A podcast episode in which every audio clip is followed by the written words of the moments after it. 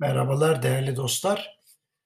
10 Ocak 2022 Pazartesi yeni bir haftaya başlıyoruz ve en baştan da söylüyoruz enflasyon bizim en ciddi meselemiz. Şimdi biz buradan ne söylersek söyleyelim yurt dışındaki bakış farklı. Son olarak JP Morgan bir rapor yayınlamış ve heterodoks politikaların erken yapılan faiz indirimlerinin enflasyon beklentilerindeki bozulmanın ve Türk lirasındaki değer kaybının Aralık ayında enflasyonda keskin bir yükselişe neden olduğunun altını çizmiş.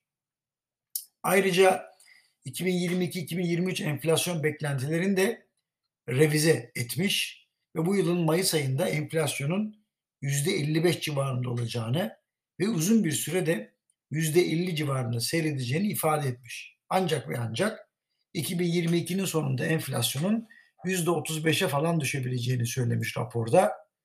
2023 yılı içinde %15 demiş.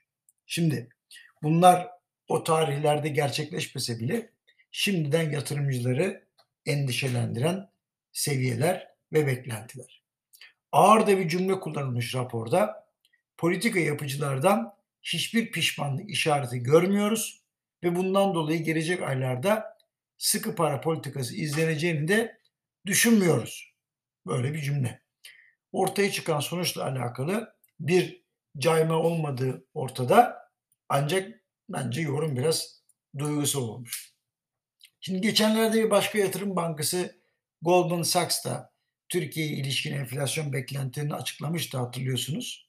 Türkiye'de enflasyonun birinci çeyrekte yüzde 40 seviyesini aşacağını söylemiş. Ve bu yılın büyük bir bölümünde de enflasyon bu seviyede kalır demiş. Şimdi bu rapor sosyal medyaya da düşmüştü hatırlıyorum. Reuters haber ajansına göre Goldman Sachs uygulanan politikaların başarısız olacağını da savunmuş.